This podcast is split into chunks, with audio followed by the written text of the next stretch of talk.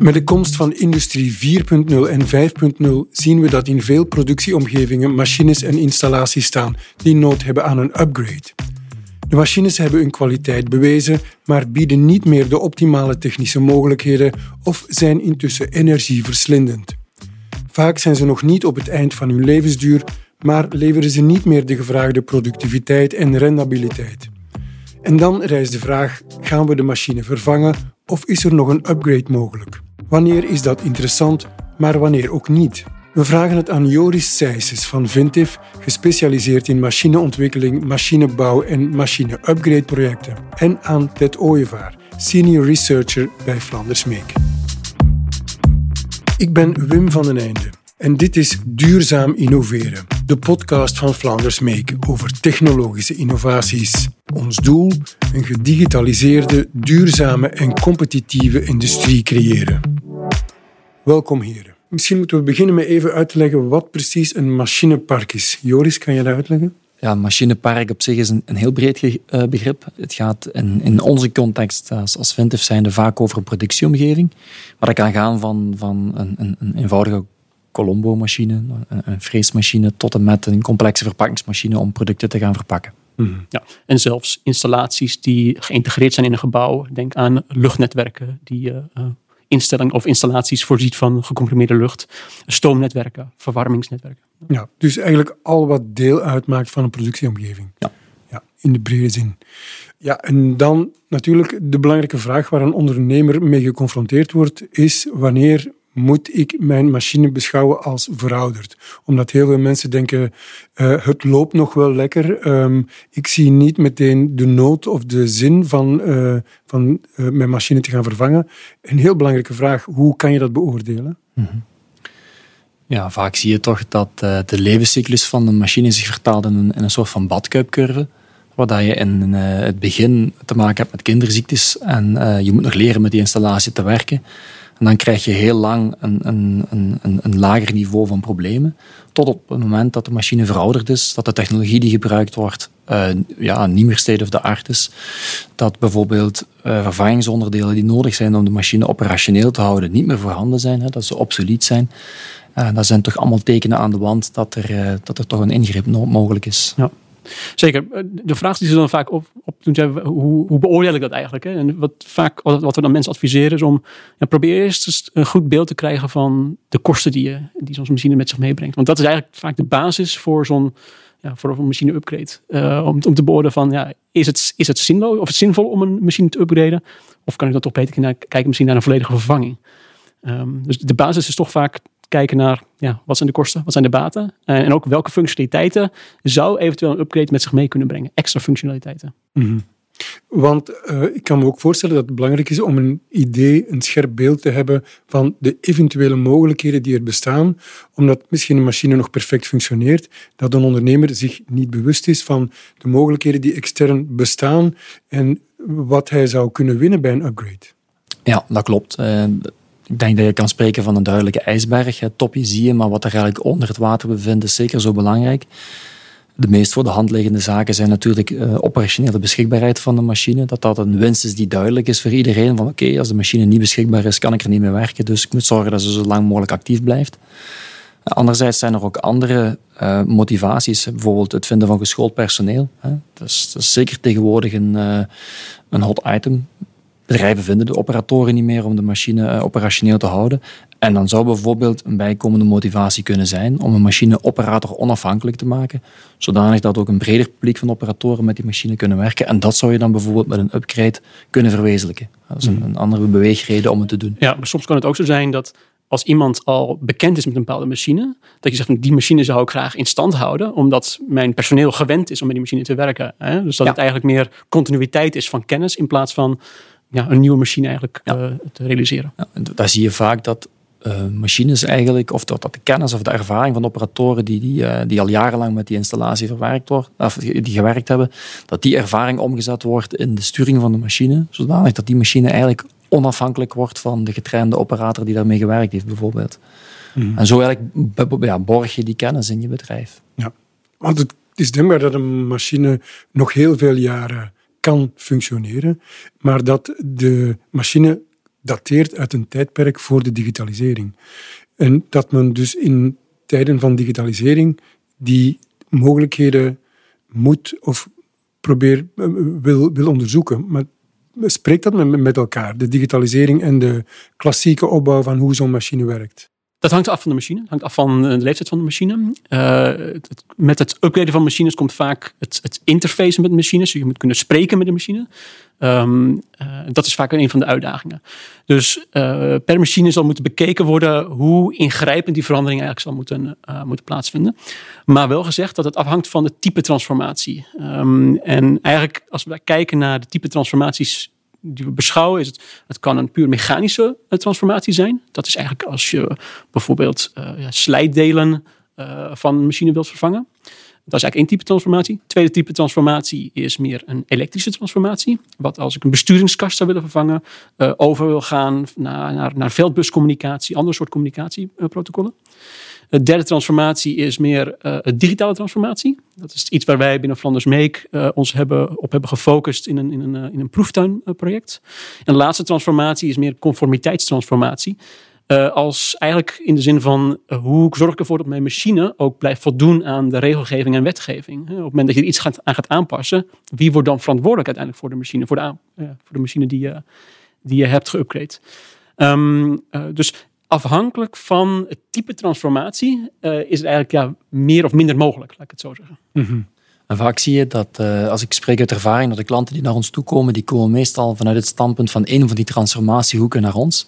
Bijvoorbeeld de machine is onveilig, er is een arbeidsongeval gebeurd, dus de machine moet veiliger gemaakt worden. Dan spreekt het voor zich dat je begint met die, die normtechnische transformatie om te zorgen dat je voldoet aan de, aan de wetgeving en de regelgeving. Maar dan zijn er eigenlijk nog drie bijkomende kansen die je kan nemen om mechanisch, elektrisch en, en op digitalisatievlak eigenlijk de nodige stappen te zetten. En eigenlijk zo te zorgen dat je, dat je nog ja, een bijkomende bonus kan behalen met één transformatie. Mm -hmm. Vertel eens iets meer over die proeftuin, uh, Ted. Um, binnen Flanders Make hebben wij een, een proeftuinproject uh, gedraaid. Het is een driejarig project waarin we eigenlijk uh, hebben geprobeerd om bedrijven op weg te helpen bij het, ja, het, het, het, realiseren van een transformatie. Met name digitale transformatie. Transformatie richting wat wij noemen industrie 4.0 eigenlijk. Um, binnen dit project hebben wij een aantal demonstratoren gerealiseerd. Uh, die eigenlijk als een soort inspiratie moeten vormen voor bedrijven om ja, te laten zien wat er eigenlijk al mogelijk is uh, met, met relatief eenvoudige technologie. Um, met als doel om, om ja, bedrijven eigenlijk een eerste stap, een eerste kennismaking ermee te laten, laten maken. Um, dat project is inmiddels afgerond. Er zijn een aantal demonstratoren gerealiseerd. Um, uh, een van de demonstratoren is bijvoorbeeld dat wij een, een, een luchtnetwerk uh, bij Flanders Meek in Lommel hebben geüpgrade, hebben sensoren geïnstrumenteerd. Uh, en op die manier eigenlijk hebben, ja, inzicht hebben gekregen in het, in het verbruik bijvoorbeeld van het luchtnetwerk bij Flanders in, in Lommel. Um, wat ons direct inzicht gaf bijvoorbeeld in het energieverbruik van, van zo'n netwerk. wat zijn de hoofdverbruikers? hoe vaak gaat de compressor aan of uit. Mm -hmm. um, met als uiteindelijk idee om dat geheel te upgraden, om het, mm -hmm. uh, om het te verbeteren eigenlijk. Vertel eens iets concreter wat jullie daar precies gedaan hebben. In eerste instantie hebben wij sensoren geïnstrumenteerd. We zijn data gaan meten over het, het luchtverbruik, de druk, temperatuur, de luchtstroming. Dus waar gaat het over? Het gaat over, over een plek, Flanders Meek in Lommel. Dat is een, ja, een industriële omgeving waar een luchtdruknetwerk bestaat. Leg eens uit wat dat precies is. Yes. Um, Flanders Meek heeft in Lommel een uh, faciliteit waarin wij testen uitvoeren, met name voor, voor bedrijfspartners. Uh, bestaat uit klimaatkamers, uh, andere machines en opstellingen die gecomprimeerde lucht verbruiken. Um, er is een centrale compressor. Die compressor voorziet die opstellingen en, en infrastructuur van gecomprimeerde lucht aan bepaalde condities. Dus dat is een um, soort buis, een systeem? Het zijn een netwerk aan leidingen waar eigenlijk gecomprimeerde lucht typisch uh, 7, 8 bar wordt voorzien. En die was niet gedigitaliseerd? Was niet gedigitaliseerd. De compressor is 20 jaar geleden aangekocht. Uh, het systeem is geïnstalleerd of het netwerk is geïnstalleerd. Uh, maar er was eigenlijk over de jaren heen, de compressor is een aantal keer uitgevallen. Er is nooit echt inzicht geweest in ja, hoeveel gecomprimeerde lucht is er eigenlijk nodig. Um, de hoofdverbruikers was onbekend. Dus de vraag was eigenlijk in eerste instantie, ja, kunnen we daar eens inzicht in krijgen? Hoeveel energie verbruiken wij? Daarvoor hebben wij sensoren geïnstrumenteerd. Uh, we hebben uh, druk, temperatuur, uh, luchtstromingssensoren hebben wij geïnstrumenteerd op verschillende posities in het netwerk. dicht bij de eindgebruikers, maar ook bijvoorbeeld bij de compressor. En op die manier hebben wij eigenlijk in kaart gebracht ehm, hoeveel, hoeveel lucht we verbruiken, maar ook dat gerelateerd aan hoeveel energie wij verbruiken. Uh, waarop eigenlijk gezien hebben dat we daar uh, ja, bijna, bijna 10.000 euro per jaar kwijt waren om al het ja, luchtnetwerk onder druk te houden. Dus stap 1 is kennis vergaren. Eigenlijk inzicht krijgen. Meten is weten, ja. ja. En dan? De tweede stap was eigenlijk, hè, we hebben daar een graduele upgrade uh, doorgevoerd. We zijn eigenlijk in een tweede stap hebben wij um, gekeken naar hoe kunnen we dat nou verbeteren. Enerzijds konden we dat verbeteren door enerzijds, lekkages aan te pakken. Er waren verschillende lekkages in het netwerk die wij ja, die hebben kunnen, kunnen sluiten. Daarnaast hebben wij kunnen kijken naar van, ja, maar wat is nou eigenlijk het verbruiksprofiel van die eindgebruikers in het netwerk? Een opstelling bij ons, ja, die staat niet 24 uur, uh, 7 dagen per week aan. Maar uh, die bijvoorbeeld die draait een aantal dagen. Dus dat betekent eigenlijk dat het, het, luchtnetwerk niet altijd onder druk hoeft te staan. Dus we hoeven eigenlijk alleen maar lucht te voorzien op het moment dat het echt nodig is. Dus we willen eigenlijk meer de, de vraag en het aanbod van gecomprimeerde lucht beter op elkaar afstemmen. Uh, op dat, op, dat hebben we eigenlijk gedaan door eigenlijk een slim, ja, slimme controle-algoritme uh, te implementeren. Maar wat heeft ons in staat gesteld om eigenlijk alleen maar de druk te leveren op momenten dat er echt, echt een vraag voor is. Dat resulteerde uiteindelijk dan in een aanzienlijke energiereductie. Over het hele jaar kwamen we uit op een ja, tussen de 13 en 18 procent energiereductie. Puur door de compressor eigenlijk slimmer. Te, te regelen. Met de huidige energieprijzen is dat een zeer belangrijke zaak. Juist, uh, inderdaad. Ja, we hebben berekeningen gedaan, dat is alweer even van een jaar geleden. Maar met de huidige prijzen uh, zouden de voordelen. En dus ook het, het punt waarop je zou besluiten om de stap te maken naar een upgrade. Zou, zou steeds ja, zou alleen gunstiger worden. Mm -hmm. De basis is nogmaals in die, die, kosten. Als je dat, dat bepaalt eigenlijk wanneer, uh, ja, wanneer een upgrade uitvoert of niet. Heb jij een concreet voorbeeld van zo'n digitalisering die jullie gedaan hebben in het recente verleden en welke voordelen dat met zich heeft meegebracht? Ja, een heel concreet voorbeeld is een bedrijf dat actief is in de, in de voedingsindustrie.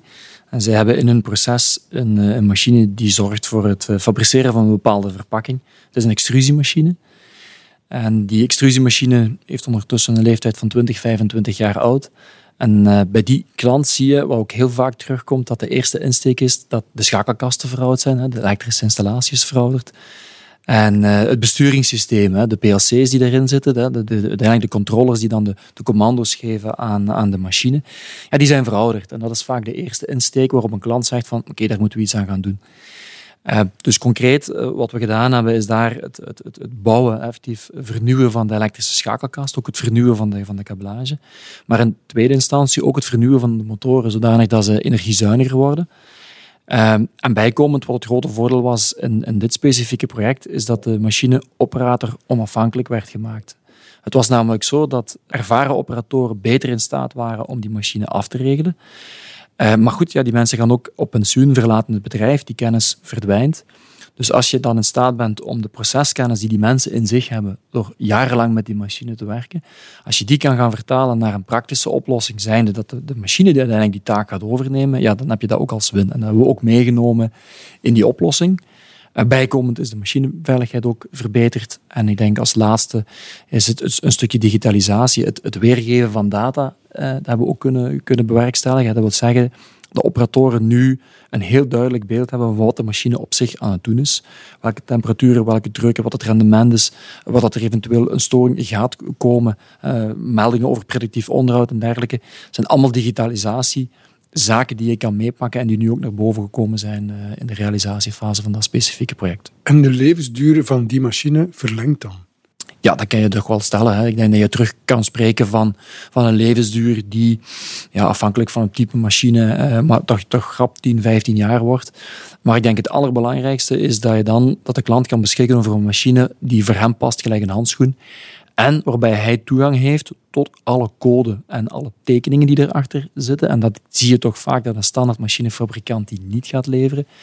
Terwijl als je natuurlijk zelf een retrofit of een renovatieproject, hè, zoals retrofit wel eens genoemd wordt in de markt, als je een renovatieproject gaat doen, zie je het als een renovatie van een huis. Ja, dan ga je zelf beschikken over de plannen die ermee gemoeid zijn en kan je zelf ook beslissen wat je aanpakt en wat je niet aanpakt. En achteraf heb je, beschik je ook over die kennis in huis van je, van je bedrijf. En ik denk dat dat een heel grote surplus is. Mm -hmm. De vraag waar veel uh, ondernemers dan voor staan, is inderdaad de beslissing koop ik een nieuwe machine of kies ik voor een upgrade? Hoe kan je daar beslissen? Ik denk dat er uh, twee grote blokken zijn die je dient te overwegen. Uh, misschien gaat dat er meer zien, maar wat wij zien in onze ervaring zijn dat er twee grote zijn. Eerste zakelijke realiteit. Als je een Colombo-machine hebt van 10.000 euro die verouderd is, dan lijkt me dat niet logisch dat je die gaat retrofitten. Want ja, dan kan je beter een nieuwe kopen voor dat bedrag. Ga je geen engineering doen, mechanisch, elektrisch, softwarematig, wat weet ik veel. Uh, dus dat, dat lijkt me niet. Maar hoe specifieker de installatie wordt en hoe meer ze eigenlijk geënt is op jouw productieproces en jouw manier van werken, ja, dan, dan is het wel heel interessant om te gaan doen. Hè. Zeker als er machines zijn die al op maat ontwikkeld geweest zijn in het verleden, op maat van jouw bedrijf, ja, dan kan dat wel interessant zijn om eerst en vooral de budgettaire realiteit te onderzoeken van oké, okay, is de investering, is die soep de kool waard? En anderzijds is het technisch haalbaar. Is er technologie voorhanden? Kunnen we, kunnen we het praktisch gaan uitvoeren? Soms zie je dat een installatie bijvoorbeeld diep geïntegreerd is in een gebouw. Neem bijvoorbeeld aan een luchtnetwerk of een ander systeem, een stoominstallatie. Uh, dat het vaak gewoon eigenlijk al ja, vanaf dag één niet gewoon al duidelijk is dat je eigenlijk een upgrade moet gaan doen. En dat, dat vervanging bijna ja, zo'n ingrijpende verandering is dat, dat, dat, dat de kosten daarvan gewoon te hoog zijn. In sommige gevallen is het heel duidelijk. Het geval van de Colombo is het heel duidelijk. Het geval van een installatie die echt geïntegreerd is in een gebouw is het heel duidelijk. Maar er zijn heel veel situaties daartussenin. Ja, en dan, dan komt het uit op een, op een gedegen uh, business case analyse. Er zijn een aantal belangrijke uitdagingen die we moeten in rekening nemen bij het beslissen van uh, een al dan niet overgaan tot upgrade. Ted, kan je eens uitleggen welke die uitdagingen zijn? Ja, als we kijken naar machine upgrading, dan zijn er eigenlijk drie hoofduitdagingen. Allereerst is het de vraag, uh, wat is de business case? Uh, wat zijn de kosten? Wat zijn de baten? En vooral, ja, hoe breng ik die in kaart? Uh, vaak is het zo dat, dat die kosten ja, niet altijd direct voorhanden zijn. misschien zijn aanschafkosten misschien nog wel bekend. Maar onderhoudskosten is vaak al wat moeilijker. Vaak zijn daar bijvoorbeeld mensen die betrokken waren bij, bij de aanschaf of bij een bepaalde vernieuwing van zo'n machine. Ja, die, die hebben die kennis, dus die moet je achter boven tafel zien te halen. Dus dat is eigenlijk de eerste vraag. Wat is de business case? Tweede vraag, of tweede uh, uitdaging is, uh, welke technologie is er voorhanden? Uh, zowel op het vlak van elektrisch, van digitale upgrades. en, en hoe kunnen die, die upgrades eigenlijk waarde brengen voor het, voor de machine. Een derde uitdaging is, hoe ga ik het implementeren? Dus hoe zorg ik ervoor dat mijn upgrade eigenlijk de bestaande productie minimaal onderbreekt? Um, maar ook, ja, wie wordt er uiteindelijk verantwoordelijk voor de machine na de upgrade? Um, dat zijn eigenlijk allemaal ja, praktische vragen die je moet uh, beantwoorden. -hmm. Stel dat een ondernemer overweegt om dit te gaan doen, ja, hoe begint hij eraan? Hij heeft misschien niet de kennis voorhanden om die afweging te maken. Ik denk dat daar organisaties zoals Vintif en Flanders Make bedrijven bij ja, proberen te helpen. Ik denk dat Vintif met name expertise op het gebied van mechanische upgrades, elektrische upgrades, conformiteitsupgrades uh, en ook ja, Flanders Make rond digitale upgrades, dat eigenlijk wij ja, proberen bedrijven te helpen hiermee. Dat is ook een van de redenen waarom we dat proeftuinproject hebben gevoerd binnen Flanders Make. Ja, als dat soort vragen er zijn, dan is eigenlijk dit soort organisaties denk ik het primaire aanspreekpunt voor bedrijven om, om eigenlijk zo'n traject op te starten. Mm -hmm. We doen het al vrij lang uh, in, in de markt. We hebben een aantal rekenvoorbeelden waarmee wij bijvoorbeeld het eerste budgettaire vraagstuk heel inzichtelijk kunnen maken, gebaseerd op ervaring. En eigenlijk door het, door het, het berekenen van die grote budgettaire blokken al kunnen inschatten van oké, okay, zouden wij het doen in, in de plaats van, van de onderneming? En daarmee al een eerste stap zouden kunnen zetten naar oké, okay, haalbaarheid. Hè, kan het? En dan uiteraard het technisch vraagstuk van oké, okay, kan het technisch wel?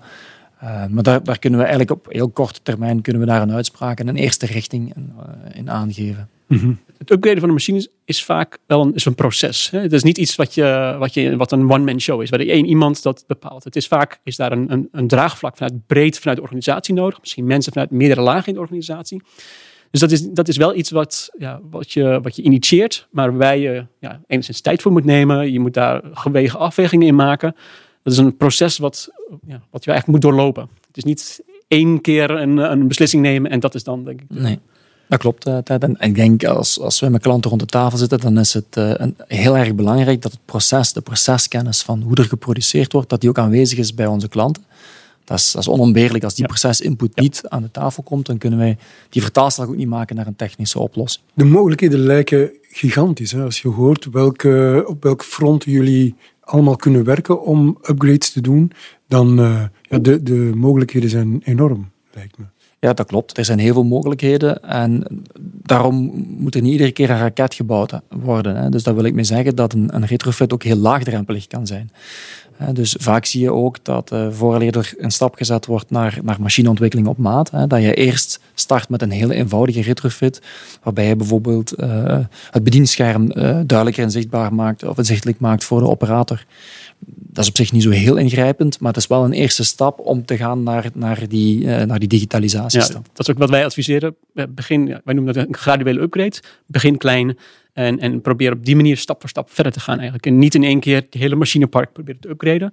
Maar gradueel, dat geeft vertrouwen, dat geeft, en, dat geeft inzicht. En op die manier eigenlijk dat papier aan te pakken. Mhm. Ik heb begrepen dat jullie ook een whitepaper hebben opgesteld samen. Kun je daar iets over vertellen? Ja, eigenlijk om, uh, om bedrijven op weg te helpen met hoe, hoe, hoe begin ik hier nou eigenlijk aan? Wat zijn de hoofduitdagingen? Waar moet ik op letten? Wat zijn de valkuilen? Uh, hebben Vintif en Flanders Make eigenlijk samen uh, vorig jaar een whitepaper uh, geschreven. Dat is online te, te, gratis te downloaden. Ja, dat zou bedrijven een eerste inzicht in moeten geven. Van hoe, waar moet ik op letten? Hoe stel ik een business case analyse op? welke mogelijkheden zijn er op, op technisch vlak? Welke technologieën zijn er? Maar ook, ja, waar moet ik rekening mee houden als ik iets wil implementeren uiteindelijk? Oké, hopelijk zet het veel mensen aan om dit minstens te overwegen. Hartelijk dank. Ja, dankjewel. Bedankt. Dit was Duurzaam Innoveren, de podcast van Vlaanders Make. Bedankt voor het luisteren. We zijn er binnenkort weer met een nieuwe aflevering. Wil je zeker weten dat je hem niet mist? Vergeet dan niet jezelf te abonneren.